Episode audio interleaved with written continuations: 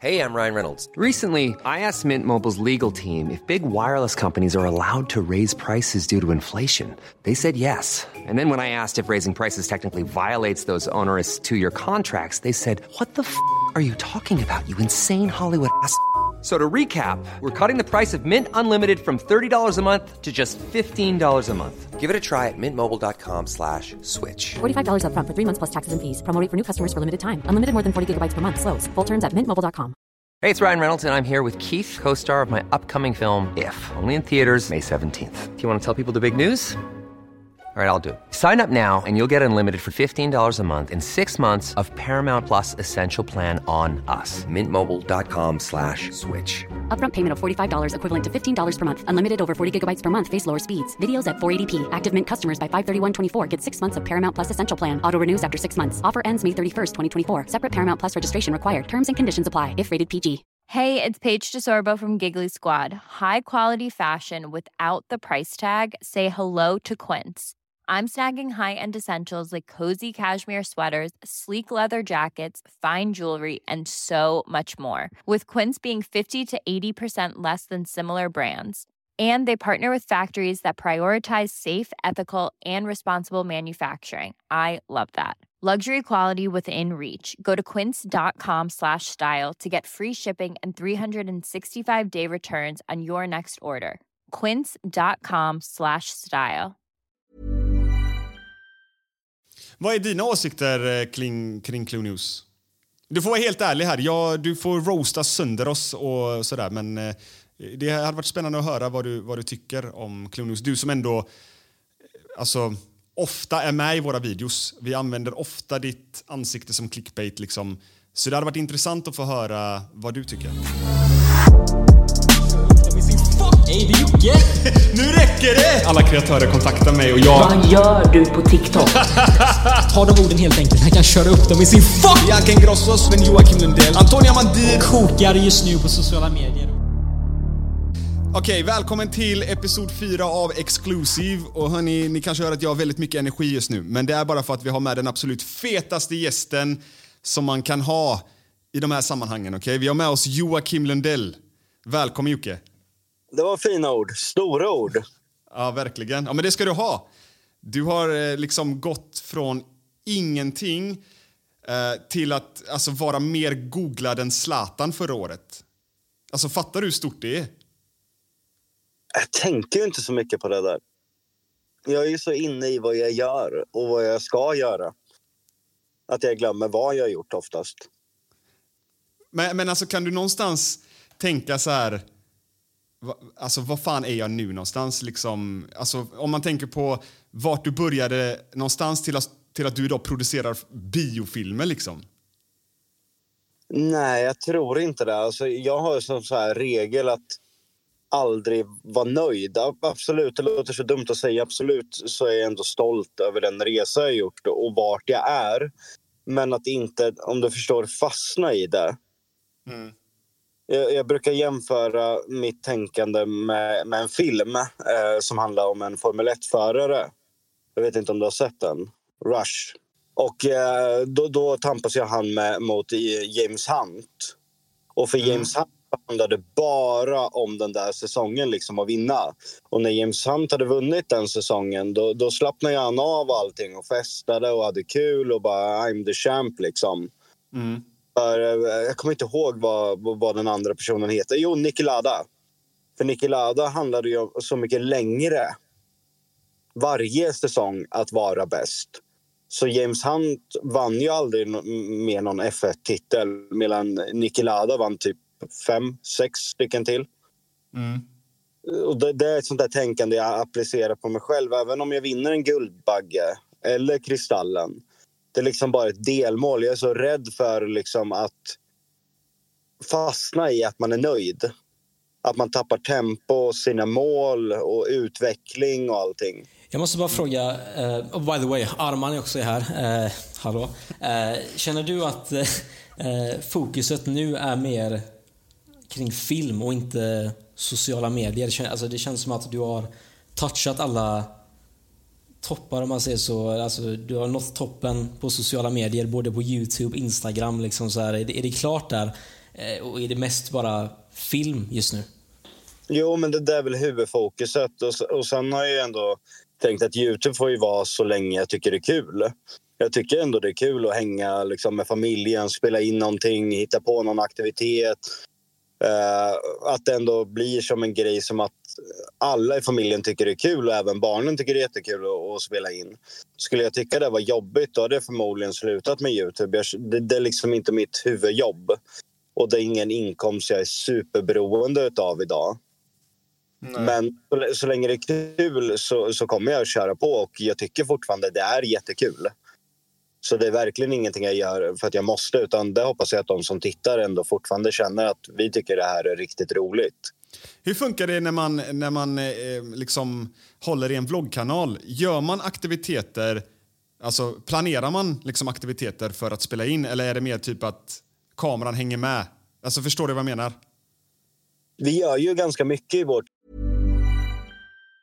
If you thought the only way to get a more defined jawline with natural-looking results was through surgery, think again. Juvederm Volux XC is a non-surgical injectable gel filler that improves moderate to severe loss of jawline definition and can help you achieve natural-looking results with little downtime. Even better, this improved definition lasts up to one year with optimal treatment. No maintenance required. Improve jawline definition for a smooth, sculpted look with Juvederm Volux XC. For important safety information and to find a licensed specialist, visit juvederm.com. That's J U V E D E R M.com. Not for people with severe allergic reactions, allergies to lidocaine, or the proteins used in Juvederm. Common side effects include injection site redness, swelling, pain, tenderness, firmness, lumps, bumps, bruising, discoloration, or itching. There's a risk of unintentional injection into a blood vessel, which can cause vision abnormalities, blindness, stroke, temporary scabs, or scarring. Talk to a licensed specialist specialist to find out if it's right for you. Hey, it's Ryan Reynolds, and I'm here with Keith, co star of my upcoming film, If, only in theaters, May 17th. Do you want to tell people the big news?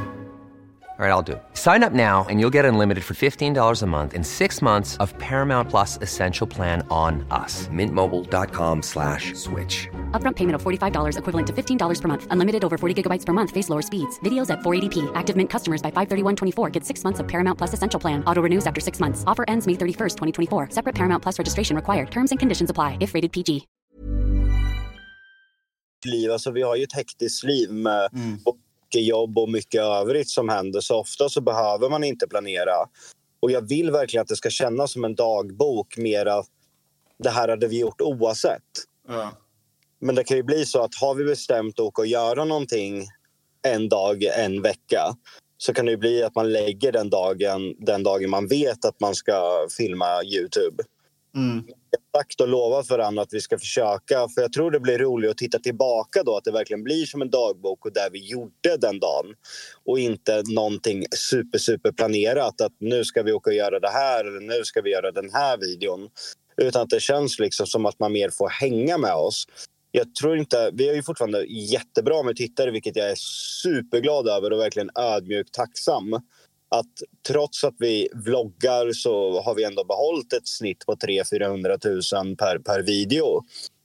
Och jag tror inte att grejen är vad vi gör på vår kanal utan jag tror att vi har hållit på så länge nu att tittarna och följarna går in för att hänga lite med oss. Det har blivit nästan som någon slags sitcom. Om du, förstår ni vad jag menar? Ja, jag förstår vad du menar och jag tycker det här är jätteintressant. Och det här är också någonting jag verkligen vill gå in på. För att ni har ju haft typ så Youtube, vad fan kan det vara nu? Sju, åtta år eller någonting eller? Det är, det, det är nog ganska många år. Jag har hållit på med Youtube i tio år. Alltså Jockiboi ja. show, det är ungefär... Att, nej, det är fan ännu mer alltså. Nej, jag tror att jag och Jonna har hållit på nästan tio år med Youtube. Ja, och det är det jag menar att under de här tio åren så har ni alltid varit relevanta. Ni har alltid haft views och liksom alltid hittat ett sätt att liksom, ja, men växa mer och sådär. Eh, Medan man kan se då eh, under samma då tids... Eh, liksom, plan eller vad man ska säga, så har man sett andra kreatörer liksom komma, bli jävligt hypade, men sen så har de dött. Eh, eh inte för att låta taskig där, men, men du förstår vad jag menar. De fallerar lite, det är ingen hype mer, kanalerna går ner, de pallar inte trycket, de slutar. V vad skulle du säga är liksom... Eh, Alltså hur, hur har ni lyckats hålla er liksom relevanta i så många år? trots att många andra har liksom fallit av? Jag, jag brukar ha vissa alltså, regler som jag är väldigt noga med att jag och Jonna ska följa. Och det är att löften är jäkligt viktiga. Absolut, lovar att en video kommer ut en viss tid och du inte håller det, det kan hända alla, det är liksom exporteringsproblem. Men det finns vissa youtubers som jag kan berätta exakt varför de har tappat visningar. Sitter man och lovar en vloggmånad för tionde gången och klarar tre dagar, då kommer ingen att engagera sig till slut. Man, man, man köper inte. Vi, vi, vi säger att din favoritartist kommer till Sverige. Han dyker inte upp första gången, du har köpt biljetter, du får tillbaka pengarna ändå. Men han kommer inte andra gången. När det är uppe i sjunde gången, hade du, även om du fick tillbaka pengarna, ens bokat den där biljetten? Hade du litat på att någon stod på scen om man hade ställt in liksom sex, sju gånger? Nej. Nej, man tappar engagemanget. Och Youtube består av att människor lovar så mycket saker. Nu ska jag ge allt och sen, nej men det här gick inte så bra. Nu, nu ska jag göra det här. Nej men jag pallar inte, jag gjorde det här istället. Utan jag har verkligen lovat mig själv att försök i alla fall hålla en video i veckan. Se alltid till att ha en video i veckan. Ja. Har du lovat någonting så håll det. Men det, det, det kan man ju också se på, på många andra kreatörer som kanske känner sig mer trötta. Liksom. Alltså man ser att det är någon som kanske gör en sushi-mukbang en gång i månaden och så sitter de där och bara “jag vet inte varför inte jag får views längre”. Alltså varför får jag inga views längre? Det, men, men det tror jag också är för att de, de har väl antagligen inte det drivet du har. Där, för jag vet att eh, alltså din hjärna går ju alltid i högvarv och du kommer alltid med nya idéer. Eh, hoppar inte ofta på trender, men du skapar ju dem. Alltså du skapar ju trender som folk sen hoppar på. Eh, så det kan nog också vara en, en, en faktor tror jag. Att ni hela tiden liksom har nya idéer och, och ehm, liksom förändrar content och förnyar det och, och följer med i vad som är liksom hett just nu om du förstår vad jag menar. Ja, men absolut har en poäng där. Och sen tror jag att jag var väldigt tydlig med när jag började bygga vår kanal, den som idag heter Familjen Lundell, att vi ska vara varumärket. Nu får du inte ta så här som en pik mot dig, men ditt brand är ju nyheter om andra. Du är ju inte brandet, även om du är hosten och även du, Arman. Så är ju Clue News varumärket Exakt. vilket är svårt för dig att göra en annan typ av video.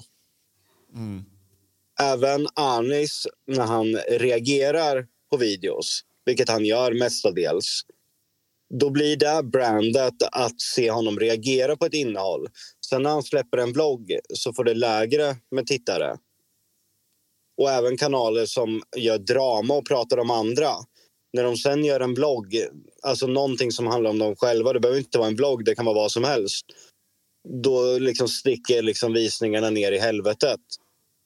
Jag har varit väldigt noga med att vi ska vara varumärket, inte det vi gör, utan det ska vara sekundärt. Någonting som, som fascinerar mig väldigt mycket, ofta när man sitter och pratar liksom om dig Jocke, ehm, så, så är det så här, man, man, man undrar vart... Eh, alltså, hur ska jag förklara detta? Men typ, vad du än gör blir till guld. Om du, om du släpper en låt, den streamar fucking platina. Släpper du en bok, det blir den mest sålda boken det året. Uh, vill du göra film, du gör en film och drar hem Guldbaggen. Uh, Youtube, du är störst. Alltså förstår du jag menar? Eh, jag är så, jag är så fascinerad och jag undrar liksom alltså hur, hur du har gjort eller alltså, varför tror du att det är så? Att, alltså, vad du än gör, det bara funkar liksom. Alltså går du ut och säger det här är, eh, det här är liksom ett samarbete med parfym.se liksom, så två timmar senare så är den hemsidan kraschad liksom. Va, vad är det som gör att folk bara liksom alltså, avgudar dig Jonna? Jag kommer bry bryta myten nu. Alltså, vill du veta hemligheten? Ja, ja, ja verkligen. Det är en myt. Allt jag tar till, alltså allt jag tar vid blir inte till guld. Okej. Om jag ändå ska säga... Jag vill inte låta skrytsam, alltså för det gillar inte jag. Men det jag nog är bäst på är att veta vad som funkar och inte funkar. Jag kan ta fram till exempel Netflix och sen får jag tio nya serier eh, som jag inte har någon aning om. Eh, de är helt nya, jag får se dem framför alla, före alla andra om du förstår vad jag menar. Mm. Jag hade nog nio tio gånger satt dem i rätt ordning vilken som hade fått mest tittare. För att jag går inte efter min egen smak utan jag är väldigt duktig på att se vad som fungerar och inte fungerar. Så allt jag rör vid blir inte ett guld utan jag vet vad jag säger nej till. Och jag vet att någon erbjuder en miljon för att göra det här men då ser min hjärna långsiktigt att den där mil- miljonen är ingenting värt för det här kommer bli skitdåligt. Och då är det bara ditt namn och ditt varumärke. Och börjar du göra saker som går dåligt då är de där pengarna skitsamma. Man kan inte se de här snabba pengarna som ligger precis framför ögonen när du kollar ner. Utan jag kollar långt bort åt helvete liksom.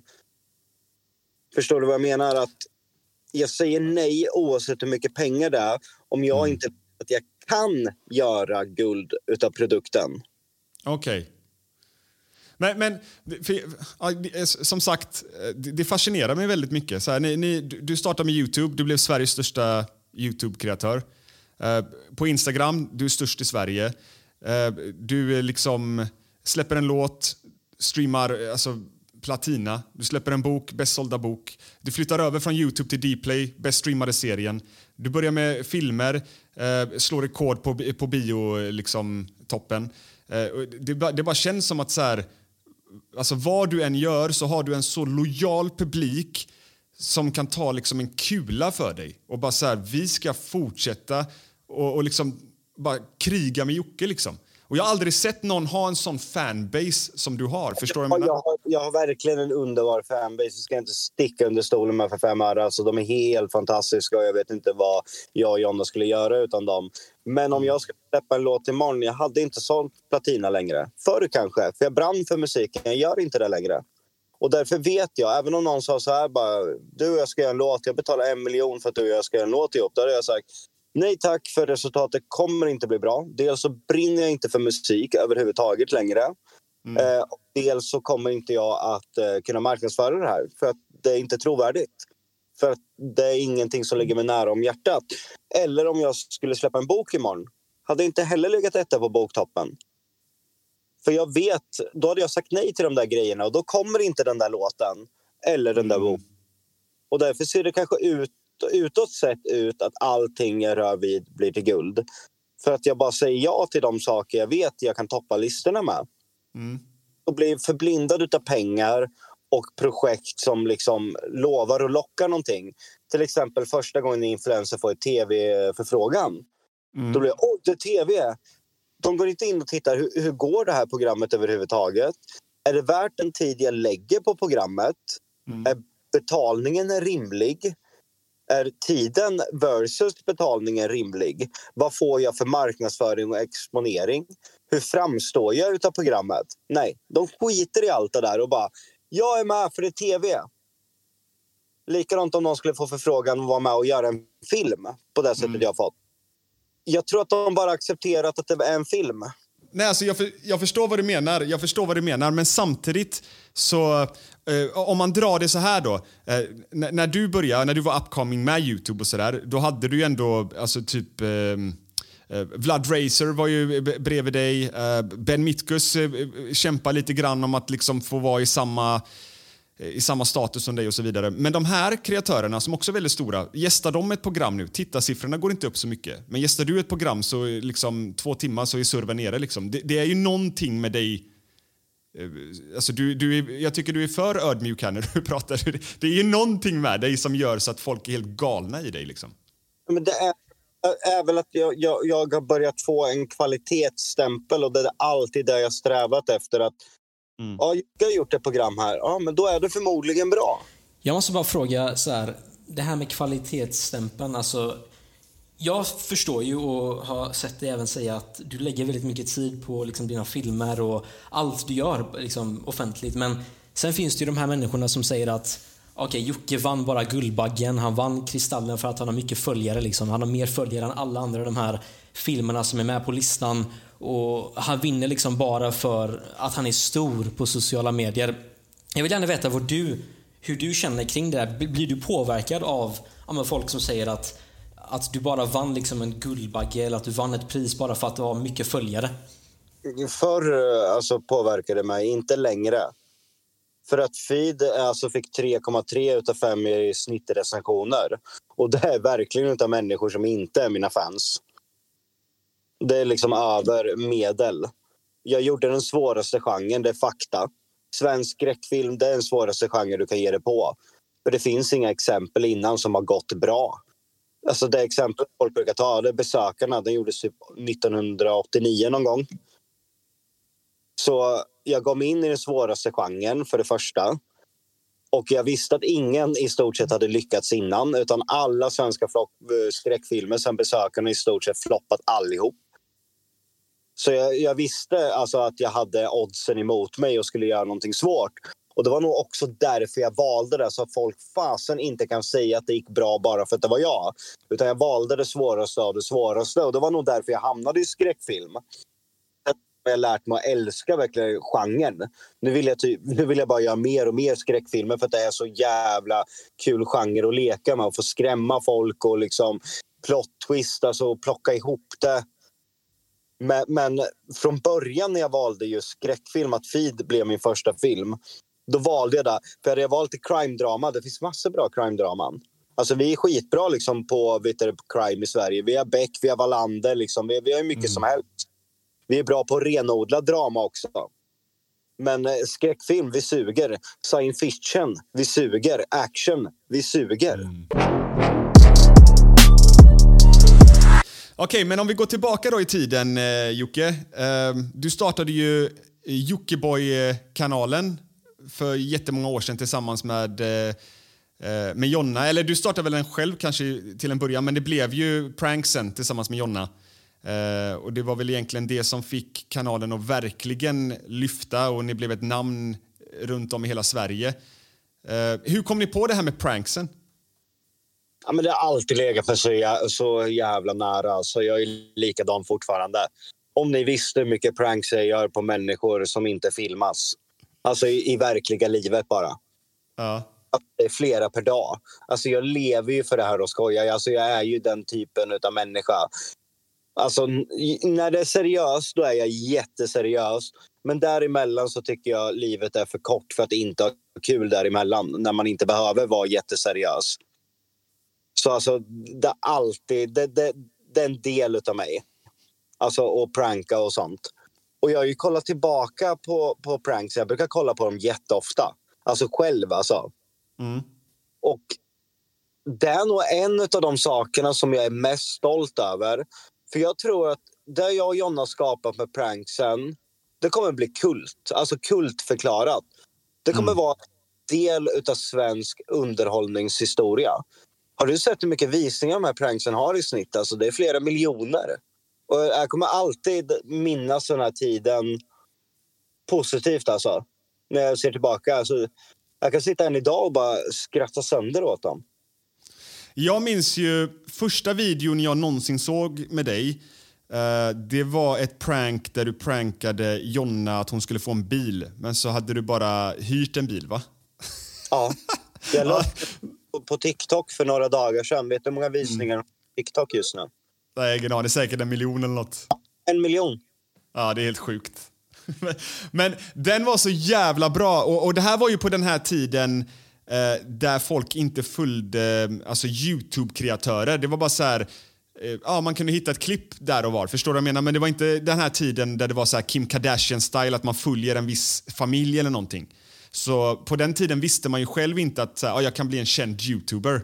Det var bara så här, okay, ett klipp hitan och ditan. Men när, när, när, när kände du att fan nu exploderar den här jävla kanalen och det här kommer bli vårt levebröd och eh, det, det, här kommer förändra vårt liv liksom?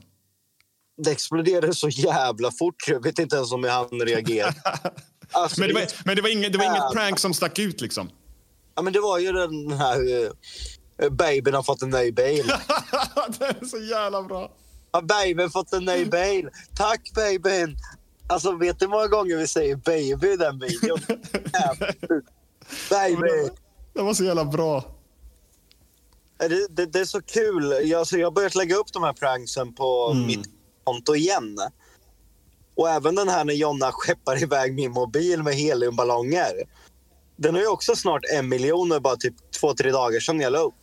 Ja, just det. Den var sjuk. Den kommer Ett prank jag kommer ihåg, den, det var ju det här eh, eh, som Jonna gjorde på dig när hon sköt dig med eh, paintballgevär i, i, i ballen. jävlar.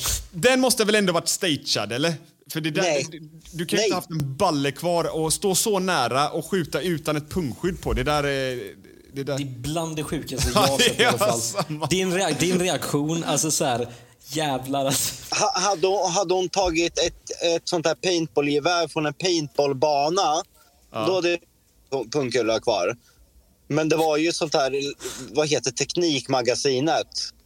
Ja. För 399, 499. Ja. Men visst, absolut, det gjorde skitont. Men hon två av skotten träffade hon inte ens på pungen utan det satt liksom i, i, mellan pungen och låret typ. Okej. Ja, det måste ha gjort ont så inåt helvete.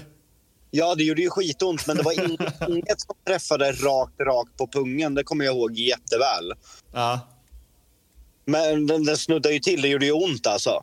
Men, men där, där tänker jag ju än idag att Jonna vet nog inte vad ett prank är fortfarande än idag. Det där är ju inget prank. Du har ju inte lurat någon. Om du ligger och sover och jag kommer med ett svärd och sticker dig i ryggen bara prankad! Alltså, vad var det pranket att gå och skjuta någon som sover? Nej. Eller var pranksen fake? Alltså, om jag får ställa den frågan. Mot slutet börjar man ju fatta och då spelar man ju mest med och de blev ju sämre. Och det var ju därför jag la av med det, för att det gick inte att dra det längre. Det gick inte att gå på. Jag, till exempel, jag vet att hon gav mig ett, ett paket och ställde på bordet. Och jag visste ju direkt att det var ett prank. Jag hade dels redan sett kameran. Och sen öppnade jag den och då ligger det någon kondom med någon svart vätska i. Och jag vet ju där att meningen är att hon ska sticka hål på den här så att det bara rinner ut rakt över mig. Och istället för att gå därifrån så sitter jag ju kvar Mm. och låter henne sticka hål. Och frågar vad är det här? Men mitt huvud, jag fattar ju direkt att jo, du ska sticka hål i den där så jag får det här över mig. Jag skulle säga det, Arman, att det blir ju lätt så att om, om de har en prankkanal och de lägger upp en video i veckan och Jocke helt plötsligt kommer hem och det står en massa zombies i huset, då fattar han okej, det är söndag nu, vi har inte prankat på en Ja, vecka. facts, alltså, det, det blir lite så, fast, fast det, det blir ändå inte fake liksom. Men det som Jocke, som du säger där, ibland kanske man spelar med, ibland kanske man går på det på riktigt. Eh, så jag, jag förstår grejen där. Eh, Men jag vet att det var ju många som försökte, eh, typ Hydra byggde väl en, sin karriär i början på att bara försöka exposa Jocke för att göra fake pranks. Jag spelade om många.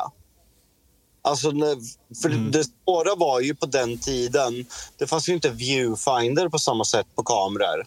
Nej. Och vinklarna blev ju oftast skitdåliga. Så jag vet att vissa är helt, alltså helt från grunden. Så här bara, kan du ge mig den här reaktionen en gång till bara? Eh, jag, jag kom fan ihåg det eh, Jocke, när jag, eh, när jag träffade dig första gången. Eh, och Det var då jag insåg hur stort Youtube var. För att Då hade jag precis blivit signad på Splay, jag gjorde Fifa-content, jag hade 20 000 eh, ja, men följare. Eh, och så kom man ju dit till, eh, till den här, eh, vad fan hette den här galan? Guldtuben. Ja, Guldtuben. Så man, då, då kom man ju till Guldtuben eh, och jag gick in där, man tog några foton, inte med följare utan de som stod där. Men så vet jag bara att jag hörde alltså människorna där utanför, för det var ju ett hav av människor.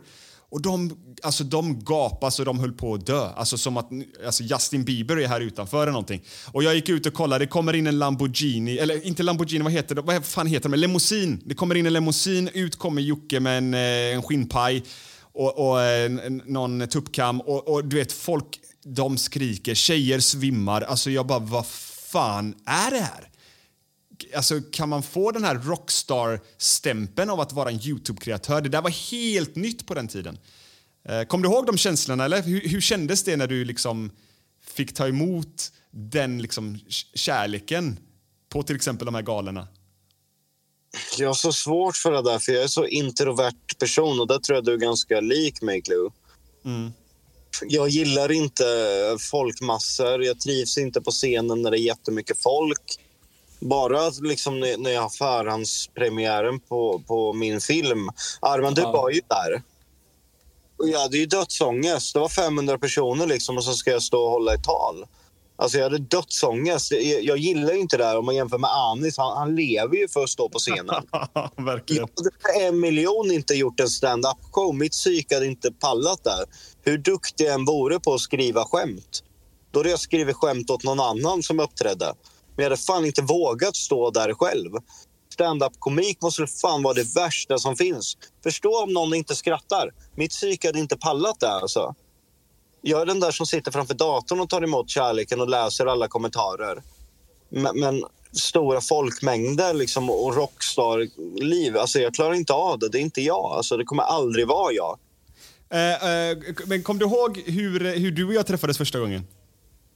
Eller eh, hur vi liksom kom i kontakt med varandra första gången? Inte allra första gången, men jag vet ju att du var hemma hos mig med Olle McDulle för väldigt, väldigt länge sedan. Ja, men, men, men första gången var faktiskt när jag gjorde... Eh, jag skolade om till eh, Clue News, fast, fast då hette jag Clueless Swede fortfarande. Och så gjorde jag en video där jag hävdade att du eh, eh, hade stageat din, eh, ditt frieri på Guldtuben. Kommer du ihåg det? Ja, nu när du säger det. Jävlar vad arg du var mannen. Du hoppade in i DMs där på mig. Men hur menar du med stagea? För jag kommer inte ihåg det. Det väl klart att Nej, det var- nej alltså jag, jag sa ju i videon att eh, du eh, ha- hade friat redan innan. Alltså att ni hade redan bytt ringar liksom. Det var redan färdigt men att eh, du på scenen passade på att fria igen för att få exponering. Eh, och du, eh, du blev jävligt lack på mig då, minns jag. Men efter det så, så blev vi ju vänner. Du hade ju delvis rätt. För att jag hade ju förlovat med Man eller frågat om vi skulle förlova. För att den är i, i, i Chainsaw Prank tror jag det heter. Så vi var ju, antingen så var vi förlovade eller så skulle vi vara förlovade. Så du hade ju delvis rätt. Men jag tror inte jag fattade innebörden att när du förlovar dig så är det i stort sett ett frieri eftersom du inom ett år ska gifta dig. Men jag tror att den poletten ramlade ner för mig. Nej, men det var där vi i alla fall eh, kom i kontakt med varandra första gången. Men, så vi tjafsade ju lite där i, eh, i DMs fram och tillbaka. Men sen så, sen så blev vi ju cool med varandra. Och, och sen som du sa så eh, kom jag, och åka, jag kom ju hälsa på dig. Vi gjorde lite content där, Olle McDulle och, och allt det där. Uh, och lärde känna varandra liksom. Uh, och, det, var- och det var nice också för att jag kände på den tiden att jag kände mig väldigt eh, missförstådd. Eh, och, och Det här kanske låter lite cringe och folk eh, som lyssnar nu kanske tycker att det låter som att man slickar lite röv och sådär.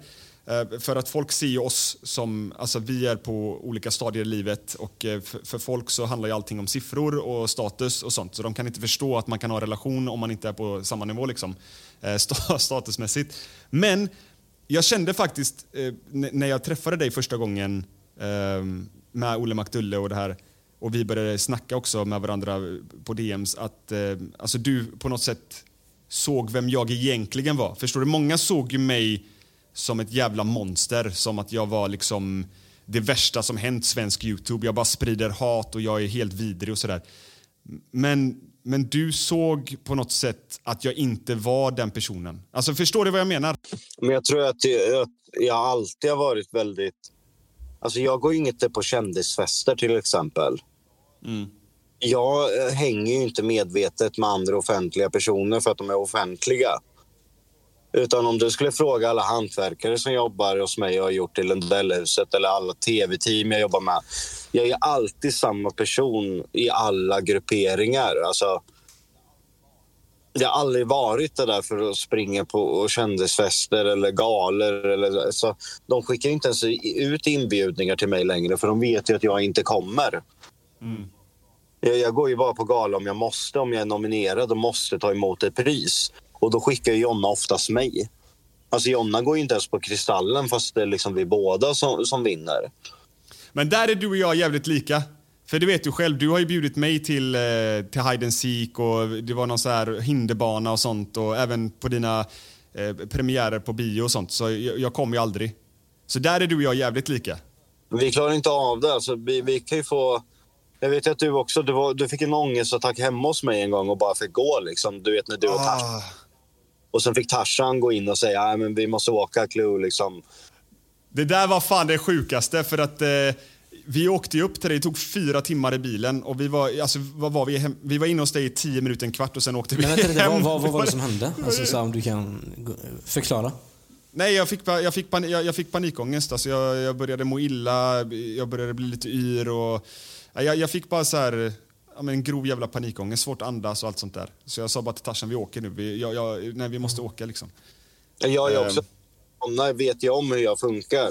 Så hon ser ju liksom på mig, liksom på mitt kroppsspråk liksom när jag börjar få en panikångestattack. Då är hon bra på att ta mig därifrån var vi nu är. För jag är precis som dig. Alltså, när vi planerar saker då har Jonna alltid i bakhuvudet att jag kan få panikångest och då måste vi åka hem. Liksom. Dö, men du ändå pratar om Jonna, jag måste kolla den här myten. Det har alltid gått ett rykte bakom kulisserna eh, om att du är ansiktet utåt. Alltså du har ju fått ta emot mest kändisskap, men att Jonna är hjärnan bakom allt ni gör. Alltså alla YouTube-klipp, allting. Att det är liksom så här, hon liksom ja, vet vad ni ska göra på sociala medier och sånt. Är det en myt eller, eller stämmer detta? Eller vad, finns det något rykte om det? Ja, det finns ett rykte om det. Att hon är liksom... Ja, hon vet vad, vilka spakar man ska dra i bakom kulisserna och eh, vet vad man ska göra och hitan och ditan. Ja, men nästa drag liksom. Eh, och det är därför ni också blivit väldigt framgångsrika på, på Youtube liksom. Ehm, men, men att du har liksom fått största kändisskapet liksom. Jag inte för att trycka ner Jonna, alltså, för hon är på så sjukt många grejer och verkligen en fantastisk människa. Men hon är så jävla ointresserad av det här med sociala medier. Så någon jävla i spakar, nej. Nej, det är tyvärr... Det, sanningen är det är jag som sköter all planering med såna grejer. Okej, men om vi, om vi går vidare lite då i storyn. Um, ni, det, det, här, det här är också någonting som fascinerar mig väldigt mycket, som jag tror också väldigt många följare undrar över. Ni är alltså på toppen av eran prime, alltså med den här um, prankkanalen. Ni har skapat en träd, Vlad och alla de hoppar på där. Alla ska göra pranks. Liksom. Ni är på toppen, miljontals visningar, ni tjänar säkert hur mycket pengar som helst. Och sen så bara klipper ni den kanalen från ingenstans. Det är liksom inte så att, att visningarna har börjat gå ner eller någonting, utan ni är liksom verkligen eran prime. Ni bara kastar kanalen, hoppar över till Jonnas kanal och döper den till Jocke och Jonna och börjar vlogga. Alltså jag, måste, jag måste få svar på det här. Varför tog ni det här beslutet? Och hur visste du att det var, alltså det var det rätt? För nu i efterhand var det ju rätt beslut. Men hur fan visste du det då? Eller var det bara en chansning? Nej, jag visste att jag-åldern skulle komma. Eh, alltså en tid när, när man är sitt eget varumärke. Okej. Och sedan så visste jag när den skulle ta slut att eh, streaming skulle explodera. Sen när... Eh, för jag, jag, jag skulle fråga Stefan, eftersom vi båda känner Stefan väl. För tre år sedan så sa jag till Stefan streamingbubblan kommer spricka 2022, 2023 där någonstans. Och då hoppar jag snabbt till biofilm istället. Vad fan. Jag försöker alltid analysera innan. All, all, det går ju olika liksom, trender, epoker, allting. Jag försöker alltid ligga före. Men var du inte orolig när du gjorde det här, eh, den här övergången liksom? Alltså typ, nu kommer jag tappa allt. Du, du, kände du aldrig något sånt liksom? Nej, jag är aldrig orolig. Alltså, har jag gett allt så har jag gjort allt jag kan. Det jag är orolig för liksom är att förlora och jag kunde ha gjort mer. Har jag gett allt då har jag ändå gett allt. Och då, då får man bara ta och förlora. Jag hatar att förlora, absolut. Liksom, och att saker går dåligt och inte som jag tänkt. Men hellre att det ligger på mig, liksom, att jag får utvärdera vad jag kunde ha gjort annorlunda. Jag vill inte stå där och bara, jag kunde ha gjort mer så hade det gått bra. Utan då vill jag att det ska gå käpprätt åt helvete och jag gjorde bara dåliga jävla val. Eller liksom stå där och bara, fan, kunde ha jobbat lite hårdare så det här har funkat. Okej Jocke, med, med liksom framgång så kommer det också en del hatare såklart. Eh, när, när, när började du känna att så här, folk liksom började störa sig på dig, alltså i karriären där folk ska liksom börja ja, men, försöka bygga något på ditt namn och, och kasta dig under bussen för att gaina själv views och så? Det var väl när alltså, alla insåg att shit vad visningar det ger och prata om honom. Och det ger ju en panik, för där kan inte jag styra själv. Och när jag ser att oj, nu fick den där jättemycket visningar på mitt namn, då ser ju nästa person där och nästa och nästa. Och ju det där fortsatt i flera års tid. Liksom. Nu vill jag bara vara i fred och, och jobba. Liksom. Och hade någon liksom haft en åsikt om det, då, då får man väl ha det. Nu tyvärr, om man kollar det senaste året, då har det ju kanske eskalerat till, till nivåer. Ja, ni vet ju vad, vad det är som har hänt. Liksom. Det har inte varit att, att någon säger att jag har fejkat pranks i en Youtube-video utan snarare ringt till mina barns förskola och sagt att jag förgriper mig på mina barn. Det är liksom på den nivån liksom, att hantera och varit jävligt svårt att hantera. Och det tror jag alltså, det hade varit för vilken människa som helst.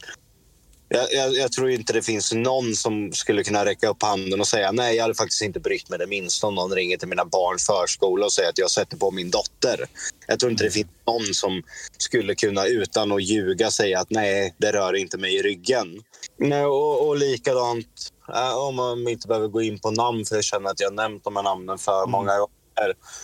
Men, men att bli anklagad liksom för så pass grova saker som är påhittat och sen kommer mm. det om att det är en 41-årig kvinna som sitter liksom och spelar ett minderårigt utsatt offer. Alltså, det är så jävla svårt att veta hur man ens ska hantera det. Det är för sjukt för att vara sant om ni förstår vad jag menar. Och det vet ja, jag att du har pratat om så många gånger att det är fan bara för sjukt för att vara sant. Det går inte att ta in. Nej, men jag tycker att sociala medier har blivit eh, så jävla mycket gr grovare nu än vad det var förut. Jag menar, Förut kunde ju någon hänga ut dig för att de så här, ah, Jocke har gjort ett fake prank eller typ du och Jonna kanske gjorde slut, där skilsmässan, att någon kommer ut och kritiserar bara, ah, men det här är fake bara för att få views. Jag menar, ah, det, det, är ändå så här, det, det är en o... Videos bara, ah, jag filmade honom på stan när han rökte en cigg och sen får någon så här tre Jocke expose för att röka liksom. Det var nivån för. Jo, men jag menar det är ändå lite oskyldigt. Så här. Det är onödigt, visst, men det, det, är ändå liksom, det är lite oskyldigt att man går ut och bara, nej men jag tror att Jocke och Jonna fortfarande är tillsammans. Det här är eh, ett, ett PR-trick till exempel. Okej, okay, visst, det är kanske är jobbigt för dig och Jonna att lyssna på den skiten för ni kanske går igenom det på riktigt, men det är ändå så här, ah, det, det är ändå en, en lagom nivå på drama om du förstår. Men nu på senaste, det här med stalking och att man eh, hänger ut dig för att liksom har förgripit dig på folk eh, och så får man reda på sen när sanningen kommer fram att ja, men det här har ju aldrig hänt, det här är någon som stagear det här, det är en skådespelare tänkte jag säga. Jag menar, nivån är så mycket grövre nu, det finns liksom inga gränser på folk längre. Nej, och, alltså, och, och att man har dragit nitlotten liksom. För det är ingen annan, det är säkert någon liksom, som har blivit utsatt för ett fejkat övergrepp på det här sättet, men kanske inte någon annan offentlig det känns ju ganska surt att ha dragit den nitlotten liksom. Mm. Men nu, nu liksom har jag ju gått igenom det och jag känner mig ändå starkare, absolut. Bra mycket starkare psykiskt. Men jag skulle ljuga om jag sa att det, det, var inga problem, jag hade gjort det igen. Nej, det hade jag inte gjort. Jag hade, vill inte vara med om det där en gång till. Liksom. Nej, det, det, du har varit med om är extremt och det tror jag ingen annan på svensk Youtube har varit med om. Uh, men där, alltså ska man prata liksom generellt i, i dramaväg så jag själv kan ju också känna att jag typ Alltså jag tar inte åt mig lika mycket av så här, vanligt drama nu. Förr var det ju så här, det var ju katastroftänk liksom, om någon attackerar mig. Liksom, så här, man fick en Hydra-video på sig. Man bara oh shit, min karriär är över. Och, det här, det där. och man kände sig hela tiden tvungen att gå ut och försvara sig och liksom måla upp sig själv som bättre. Och det här har inte hänt och man skulle bevisa och sånt där. Men det, jag tycker det känns samma sak för dig nu att du inte längre behöver... Du, alltså du försvarar dig inte ens längre. Det är så här, du, ja, visst, du kan ställa upp på någon intervju så här på Anjos kanal när det är verkligen någon som har ljugit, att du har liksom förgripit dig på någon som inte är sant. Liksom. Men annars så känns det som att du ser mycket mellan fingrarna nu för tiden. Och, och inte, du, du är liksom inte lika rädd känns det som, längre som att för, alltså förlora allt du har byggt upp på något sätt. Förstår du vad jag menar? Att du på något sätt förstår att men, funtade följare förstår att det här har inte jag gjort och även om det finns följare som tror på detta då vill jag inte ens ha dem som följare. Liksom.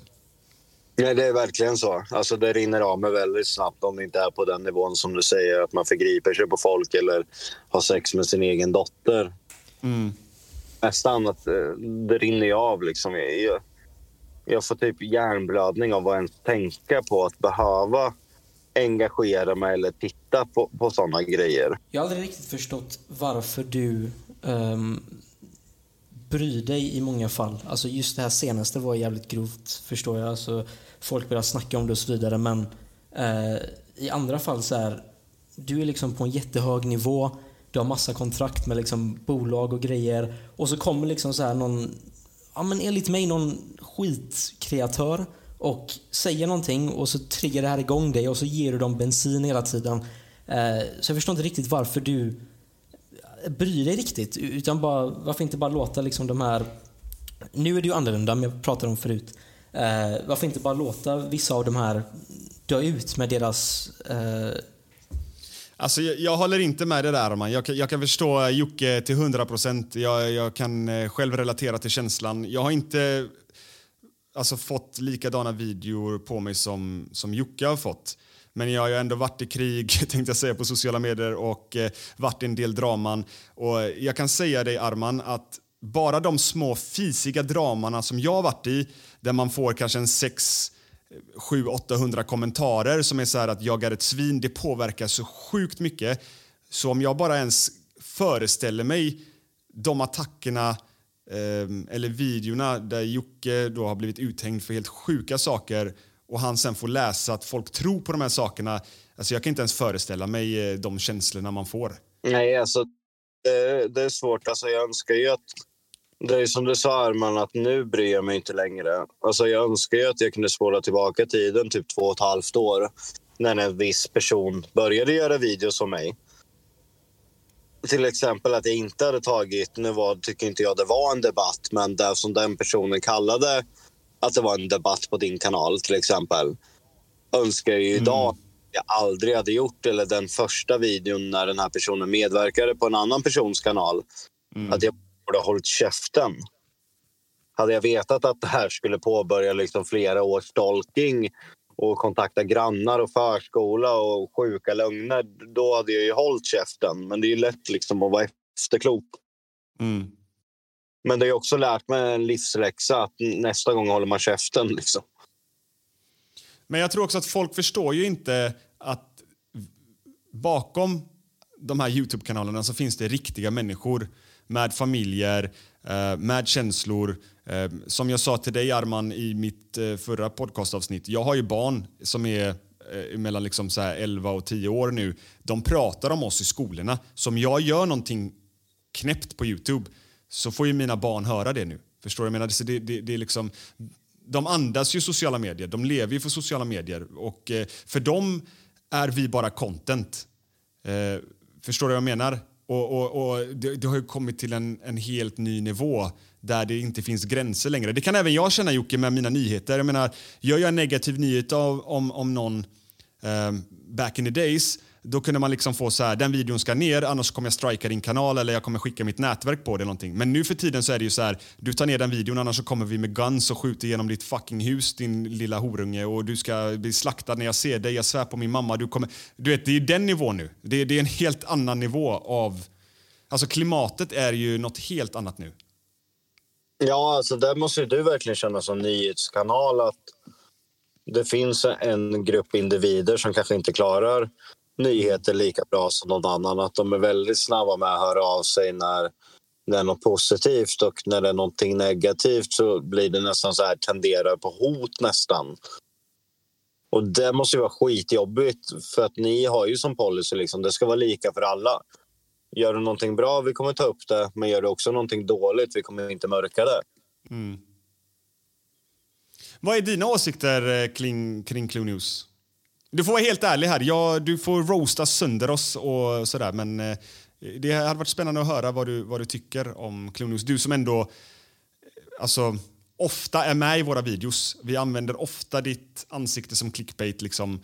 Så det hade varit intressant att få höra vad du tycker. Jag tycker, jag tycker ni gör det bra, eller du, alltså överlag. Och jag minns ju, jag kommer ihåg att du frågade mig, ska jag starta upp en Instagram-sida och göra nyhetsinlägg? Jag bara, mm. ja, alltså jag har sagt till dig hundra gånger, det är en superbra idé. Sen gjorde du typ fyra inlägg och gav upp för att det inte blev någon respons. Kommer du ihåg vad jag sa till dig då? Mm. Du måste ha tålamod. Kötta månad efter månad. Hur många följare har du nu på Insta? Snart 100 000? Ja, 86 000 eller 80, ja, 86 000. Exakt. Men hur många jag, gånger har du fått det där liksom? Jo, men jag tror att jag var mer rädd förut för att jag skulle förlora visningar på Youtube genom att eh, vara jävligt snabb med nyheterna på Instagram. Förstår du vad jag menar? Och Instagram har jag aldrig tjänat en krona på. Nej, men man måste göra vissa saker för liksom gratis för att kunna tjäna på andra saker. Och nu Mm. börjar ni liksom ha ett nätverk. Liksom. Jag, jag tycker ni, ni gör det bra. Liksom. Sen är det väl vissa nyheter som jag kanske inte anser är nyheter. Men, men där måste man ju också ha lite för att, att, att sticka liksom, i folks ögon. Aftonbladet är ju också många gånger alltså artiklar där folk bara, vem fan bryr sig? Ja, de gjorde den artikeln för att du skulle skriva så. Alltså det, det, det kan också vara lite störigt för mig kan jag känna ibland att folk eh, alltså förknippar mig så hårt med just ordet nyheter. Visst, jag säger Clue News och jag säger i mina videor vi hoppar raka vägen in i dagens första nyhet och allt det där. Så att, jag får väl skylla mig själv att jag har brandat mig på det sättet. Men från början så var egentligen Clue News bara en sammanfattningskanal. Liksom, vad är det som sker på Youtube? Vad är nytt kring Jocke och Jonna? Vad är nytt kring Anis Don Demina, Ben Mitkus och sådär? Eh, och, och då kunde det vara allt ifrån så här små grejer liksom så här, ja, men eh, I Anis senaste video så, så lärde han Samir Badran att DJa. Alltså förstår du, i början när jag startade Clue News så var det ju inte det var ingen jättehög nivå på nyheterna utan det var mer bara så här, jag sammanfattar skiten liksom så kan folk ja, förstå vad som händer på plattformen. Sen har det blivit att någonstans på vägen har det blivit att det har blivit att man har satsat på lite mer kanske ja, nyheter eller mestadels kanske drama och negativa nyheter och sådär för eh, det är ju liksom kanske inte jätteofta det händer positiva saker på, på plattformen liksom. Men Ehm, folk dras ju också åt, alltså, åt det negativa om vi ska vara ärliga. Alltså, åt, å- åt de här edgy nyheterna. Det är ju det som verkligen lockar. Jag, jag kan bara mest tycka att det är jobbigt att folk ska förklara för mig hur jag ska göra nyheterna. Det är så här, om jag gör ett skämt om Jocke i början och Jocke garvar privat och bara det här var skitroligt, ta med det i videon liksom. Eh, alltså så här, och, och så underhåller jag till exempel. Och så kommer kommentaren liksom så du får inte skämta, du är en nyhetskanal.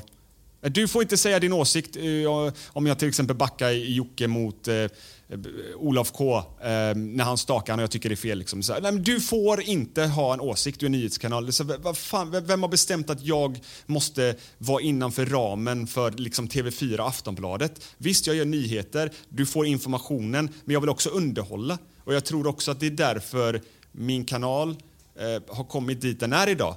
Eh, för att jag kanske på något sätt eh, har levererat nyheter på ett roligt sätt för kids att kolla på. Ja, men det, det tror jag också. Sen har du tagit åt dig... Vi har ju pratat med väldigt mycket genom åren liksom, och du har frågat liksom, vad, vad, vad, jag, vad jag tycker att du ska förbättra. Och mycket av min feedback alltså, genom de senaste åren har ju varit att du, du gör nyheter om de du följer. Kommer du ihåg? Jag har sagt det till dig tusen Ja. gånger. men Jag blivit så jävla mycket bättre på.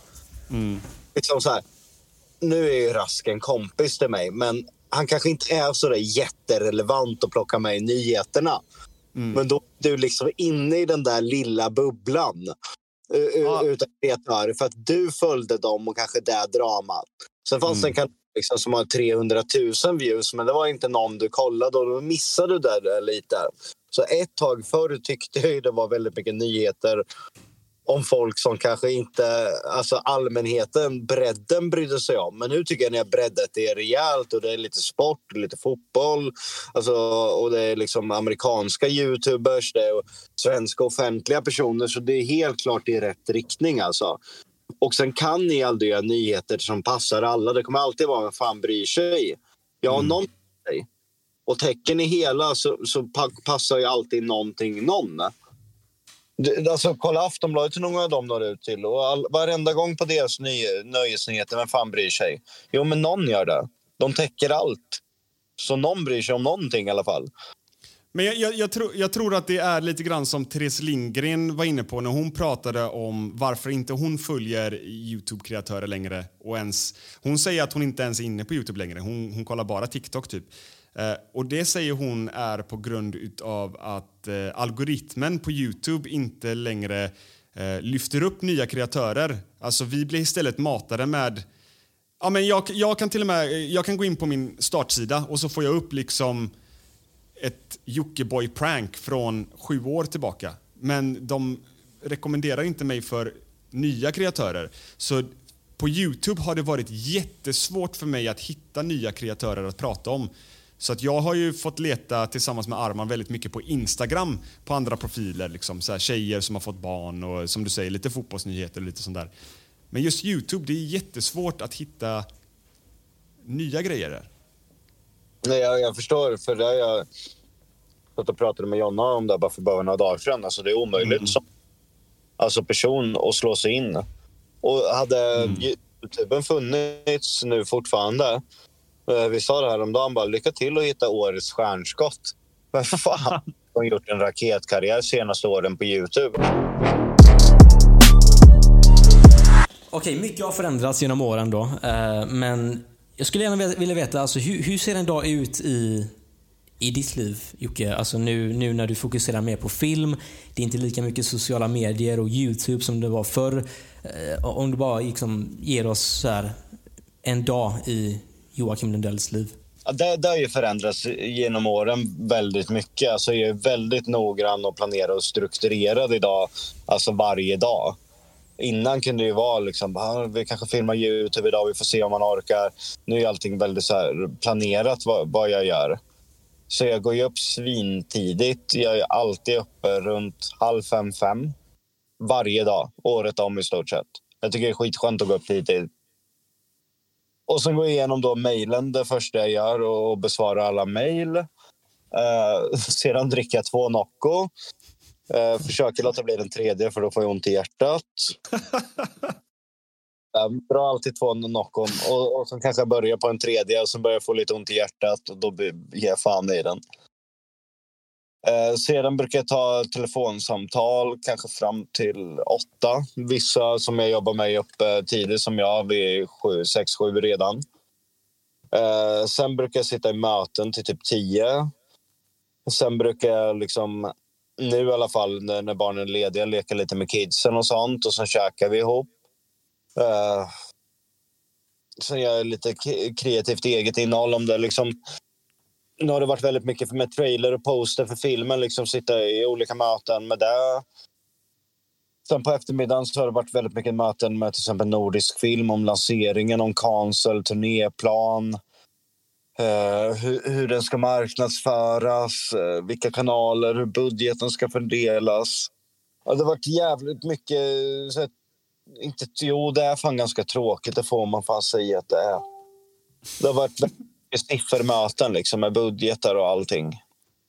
Nu, nu kanske det är lite tråkigare tider än vad det var innan. Alltså, när vi spelade in Cancel så var det lite roligare dagar. Liksom, du stod på set hela dagarna och liksom levde ut din kreativ, kreativa förmåga. Nu är det kanske dagar som är lite mer siffror, budget, väldigt långa möten. Feedbackmöten för filmen som kan ta tre, fyra timmar. M- Men hur tar du dig igenom de här dagarna? Alltså, är det bara att få Nocco eller vad? Alltså, fattar inte. Det, det är väldigt mycket du gör på en dag. Får du i dig liksom tillräckligt med... Alltså sover du bra och sånt också? Ja, och, och som kanske äter på eftermiddagen. Alltså, ibland kan ju dröja ända till kvällen. Blir du aldrig yr? Jo, det, det blir jag. nu, nu kommer väl folk alltså få hela inkorgen alltså, fylld att jag är dum i huvudet. Men alltså, jag tror inte på att leva sunt, att du lever längre. Jag, jag, tror, alltså jag är ledsen, jag tror fan inte på det. Kolla alla jävla gamla rockstjärnor. De har knarkat hela sina jävla liv. Mick Jagger lever fortfarande. Keith Richards lever fortfarande. Det finns tusen jävla exempel. Och de har ta fan inte ätit frukt och grönt och gått ut och joggat på morgonen. Utan de har fan skjutit heroin och druckit tre liter sprit om dagen typ.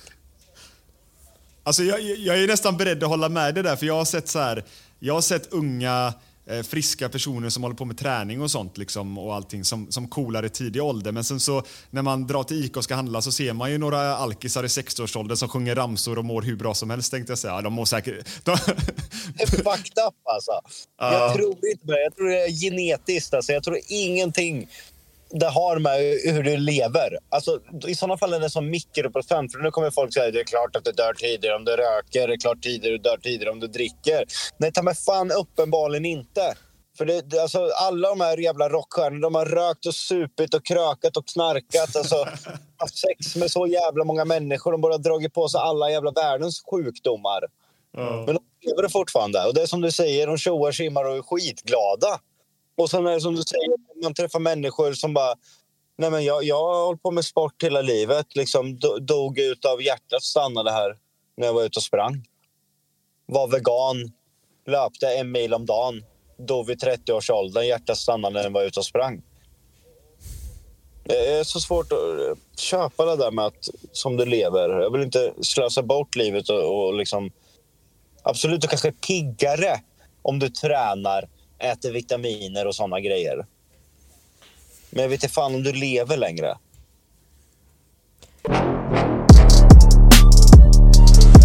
Alltså så här, avslutningsvis, så jag skulle vilja fråga dig en fråga eh, om mig här nu då Jocke. Ja. Ehm, Hur länge du eh, lever.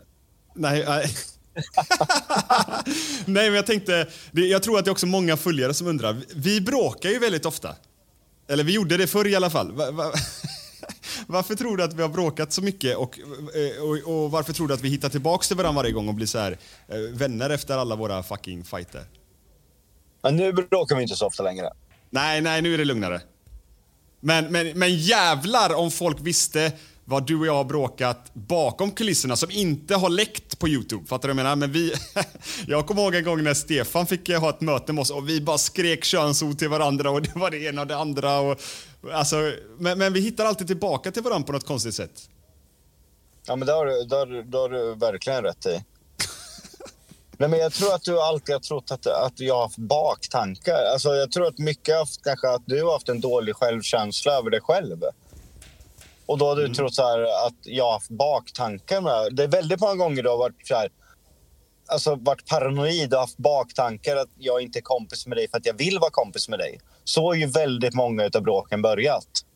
Ja, men så var det mycket förr faktiskt, att jag tänkte att du utnyttjade mig för att få schyssta nyheter. Men jag, jag, vi har ju pratat om det här eh, nu på, på senare tid, att du är ju faktiskt en av de få kreatörer som eh, ja, men som inte liksom ber mig ta, ta bort liksom nyheter och, Eh, och sådana grejer. Det har när, när, när vi har diskuterat någon nyhet så har det väl mer varit typ så här, fan skulle du kunna vara schysst och bara ändra titel för att den är lite vilseledande men du kan ha kvar nyheterna, det skiter jag i, men titeln är väldigt grov liksom. Och då är det oftast Arman som har kommit på titeln by the way, så, till alla lyssnare som undrar. Okej, wow, wow, alltså mannen. Ja, Okej, jag måste fråga Jocke då. Nu, nu när vi väl, väl pratar om det här. Hur känner, hur känner du kring att jag har kommit in i Clue News? Alltså så här, jag får ju höra ibland att du är upprörd över en titel och det kan vara jag som har gjort titeln och så här, men du vet. Jag känner att jag har blivit, vi, snackade om det här i förra avsnittet Mikael. Att eh, jag, har blivit, jag har blivit uppmålad som något jävla monster. Som är bara liksom kåt på så här siffror och grejer, har inget hjärta, har ingen, har ingen själ. Jag är inte det, men jag vill gärna höra Jockes syn, alltså på mig. Nej, men du kanske inte har samma erfarenhet som, som, som Mikael har. Men det är väl vissa grejer man känner ibland bara, "Nej, jag vet inte om det här var, var en nyhet. Jag vet ett klipp du la upp med en viss person som i stort sett står bara och kallar mig horpojke i, i tre minuter. Som han har gjort i två år innan. Och då blir jag så här, det här kanske inte riktigt Ja, var... okej, jo, jo, jo. Alltså, de är väldigt, det, det, det där är impulsiva moves. Så här. De kan jag hålla med om. Eh, men alltså så här, jag vet inte. Jag känner bara att ibland känner jag i alla fall, jag säger inte att du är så här, men vi, eh, du sa ju att ehm, Mikael kan ibland känna, eller kände förut, att folk bara skriver till honom för att de vill inte liksom ha, de vill ta ner nyheterna, de vill ta ner eh, negativa nyheter om dem. Och ibland kan jag känna samma sak. Och då skriver jag det här till Mike att eh, vad heter det, den här personen vill bara eh, den här personen snackar skit. för Den här personen vill bara eh, ta ner nyheten. Jag säger inte att det där är på dig, utan det finns flera stycken. Ehm, och Det är därför jag känner ibland att eh, alla är emot oss, mig. För att jag blir uppmålad som något, alltså som, som en psykopat liksom. Nej, men där kan jag köpa det. Det, det. Där kan jag förstå. Liksom. När man har en nyhetssida, det går ut till väldigt många, många människor. Man, man kan välja gott eller ont. Alltså, det är såklart man tror att folk som skriver har ett syfte liksom, att, att vinna gunst. Och det tror jag väl även alltså, Nesse på X on the PH Spoiler också kan känna. Att det kan vara svårt att sortera vil vilka skriver för att den faktiskt bryr Ja. sig. Hej, hur mår du? Eller vill out-out liksom. För, alltså min intention de här gångerna som jag har gjort bort mig har ju aldrig varit att alltså, skada någon. Liksom. Jag vill inte, folk tror att jag, för det är jag som driver kontot på Instagram, tror att jag vill liksom slakta folk. Alltså jag vill så här, jag bryr mig inte vad det är för rubrik. Vi ska lägga ut den här nyheten. Eh, oavsett om det här fucking skadar någon. Jag vill aldrig skada någon men ändå så tror folk att jag gör det med mening för att jag har typ ett agg emot någon specifik kreatör. Och det är det som är jävligt irriterande. Nej, det, men jag tror ibland att det går väldigt snabbt eh, att sortera ut vad som kanske är en nyhet och vad, och vad som kanske är ett jävligt löjligt tjafs. Liksom. Okej, men om, om, om vi rundar av här nu då för att avsluta så tänkte jag ställa en sista fråga. Finns det någonting som du önskar att du hade ogjort på sociala medier? Något inlägg, en video, whatever. Är det någonting så här du önskar, det här önskar jag att jag inte hade gjort? 100 procent. Den kommer alltid skava. Mitt bråk med mina bröder. ah, just det. Det har jag fan glömt bort. 75 000 brorsan. Den, det, det var, det var en, en jävligt god tid för Clue News men en mindre god tid för er. Ja, så jävla onödigt. Hur, hur, är, hur, hur är relationen där idag? Det är, alltså, jag och Krille är ju alltså, som bästa vänner. Vi umgås och pratar jämt. Alltså, och det är jag jätteglad över att det kunnat bli så eh, efter det som var. Och jag tror väl att mycket blev kanske så efter det som var. Jag och Jack har ju tyvärr inte lika bra kontakt, men vi får se liksom. Alltså, jag älskar Jacke, jag har ingenting emot det. Men jag vet inte varför det inte har blivit att vi umgås på samma sätt som jag och Krille. Jag, saknar Jacke, jag tycker om honom. Men vi kanske har levt väldigt olika liv och jag och Krille kanske har levt lite mer lika liv om du förstår. Vi har båda barn och så. Jacke har ju haft det tufft med, med droger, som han själv säger. Varit väldigt, alltså isolerat sig med sin respektive. Liksom först med Emily och sen med Sofia. Men jag hoppas väl med tiden liksom att eh, jag och Jacke också kan hänga. Jag är ju en sån som inte tror på att bara för att man är familj och samma blod så måste man liksom ha en asbra relation. Förstår du vad jag menar? Utan jag tror att det går från intresse. Alltså de som delar ditt intresse eh, man, man kan nästan bli mer familj med dem. Förstår du vad jag menar? För att man har någonting gemensamt, man har samma mål, man har samma driv, man vill någonstans i livet. Och som du säger då, om man tar Jacke som ett, ett exempel, om han då är fast i ett missbruk eller whatever, lever något helt annat liv än vad du gör, det blir ju att man liksom vägarna går ju isär lite. Men sen så finns det inget som säger att man kan hitta tillbaka i framtiden. Nej, för personlighetsmässigt så alltså, klickar ju jag, Krille och Jacke så in i helvete. Vi är ju skitkul. Ja. Alltså jag och Krille ligger ju och så skrattar så vi gråter varje gång vi hänger. Liksom. och, och sen är vi ju båda jävligt eh, filterlösa liksom, och om det mesta. Jag måste faktiskt fråga det här innan vi stänger av. Eh, och jag vet inte om jag outar dig här nu Jocke, men alltså, du skriver väldigt ofta till mig att du vill kyssa mig och såna här grejer. Och... är, är, det här, är det här på skoj? Är det ett prank eller är du lite bi? Jag har ju sagt det, 2023 så kommer vi att kyssas. Jag bara vet det. Och då ska jag fan ha på mig läderbyxor och röka samtidigt brors. Nej, men våran elektriker Roger, Ja. du vet ju... Vill han kyssa mig med? Han är, i Lundell, han är med i Lundellhuset. Han har ju varit hos en shaman eh, som han varit hos regelbundet. Vad fan är en shaman? Ja, men en sån här he- healare typ. Liksom. Ah, okej. Och han har eldat vissa örter då och sett i röken från de här örterna hur du och jag kommer liksom närma oss en kyss. Och det har Roger berättat för mig. Alltså man är så här, jag, ja, jag vet inte vad som hände nu men eh, det där är mellan Mike och Jocke. Jag tar avstånd från allt det här mannen. Ja, med, med det sagt ehm, så lämnar vi podden. Tack så hemskt mycket Jocke för att du ställde upp idag och, och tjötade lite med oss. Ja, det är ingen fara. Tänk på det här att Rogers shaman har sett det här. Han har sett jävligt fel tror jag. Vi får se. Ja, men ni får, ni får ha det gött allihopa. Så ses vi i nästa avsnitt. Ja, men det gör vi. Eller inte jag. Ni, ni får ha det gött i alla fall. Jocke, ta hand om dig. Ja, detsamma. Ha det bäst ni. Ha det bäst. Hej, hej. Hej, hej. Hi, I'm Daniel, founder of Pretty Litter. Did you know cats tend to hide symptoms of sickness and pain? I learned this the hard way after losing my cat, Gingy. So I created Pretty Litter, a health monitoring litter that helps detect early signs of illness by changing colors, saving you money and potentially your cat's life. Pretty Litter is veterinarian developed, and it's the easiest way to keep tabs on your fur baby's health right at home. Go to prettylitter.com and use code ACAST for 20% off your first order and a free cat toy. Terms and conditions apply. See site for details. Hey, it's Paige DeSorbo from Giggly Squad. High quality fashion without the price tag. Say hello to Quince.